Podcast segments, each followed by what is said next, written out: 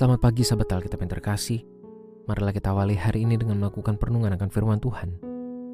Bacaan Alkitab kita pada hari ini berasal dari Galatia 4 ayat 16 sampai 20. Apakah dengan mengatakan kebenaran kepadamu aku telah menjadi musuhmu? Mereka dengan giat berusaha menarik kamu, tetapi bukan dengan maksud yang baik, karena mereka mau mengucilkan kamu supaya kamu dengan giat mengikuti mereka. Memang baik kalau orang dengan giat berusaha dalam hal-hal yang baik setiap waktu, bukan hanya bila aku ada bersamamu. Anak-anakku, karena kamu, aku menderita sakit bersalin lagi, sampai rupa Kristus terbentuk di dalam kamu. Betapa rinduku untuk berada bersamamu pada saat ini dan dapat mengubah nada bicaraku, karena aku telah habis akal menghadapi kamu. Sahabat Alkitab, apa yang akan Anda pilih jika berada pada pilihan antara menerima kebenaran meski menyakitkan atau kebohongan namun menyejukkan? Banyak orang mungkin akan memberikan jawaban untuk menerima kebenaran meski menyakitkan dengan anggapan kebohongan akan jauh lebih meninggalkan bekas pada saat tersingkap. Padahal kenyataannya tidak banyak pula orang yang siap untuk menerima kebenaran hingga membiarkan dirinya larut dalam kebohongan yang sudah bisa ia rasakan sebelumnya. Mengapa? Karena pada umumnya kebenaran akan mengganggu zona nyaman dan memaksa diri untuk melakukan perubahan besar terhadap kondisi yang terjadi. Hal ini pun sangat relevan dengan kehidupan beriman sebagai umat Tuhan. Melalui teks ini kita dapat melihat teguran dari Paulus yang berisikan nuansa perasaan kecewa sekaligus kesal kepada jemaat Galatia yang dengan sadar maupun tidak sadar termanipulasi oleh beragam pengajaran lain yang dapat menjauhkan mereka dari iman kepada Kristus.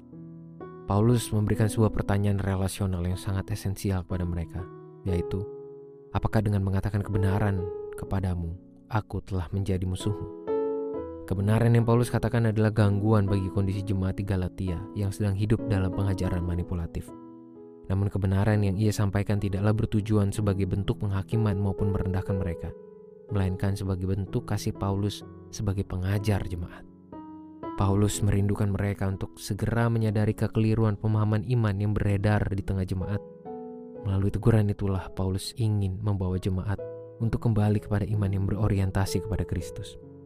Sahabat Alkitab, sebagai manusia yang tidak lepas dari beragam potensi kesalahan, kita perlu membangun kerendahan hati untuk menerima teguran agar tidak terhanyut di dalam kekeliruan. Tidak jarang pula sebuah kesalahan atau pelanggaran iman terjadi dan berkembang menjadi kebiasaan akibat keengganan untuk menerima teguran yang dirasa mengganggu serta menyakitkan untuk didengar. Padahal teguran iman juga diperlukan sebagai momentum bagi umat Tuhan untuk mengalami pertobatan dan transformasi hidup di dalam Kristus.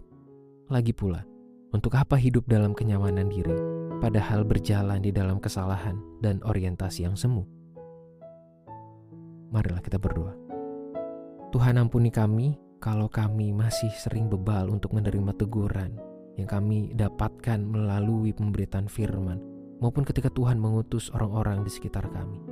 Tolong kami Tuhan untuk bersedia menerima teguran, mengalami perubahan dan pertobatan.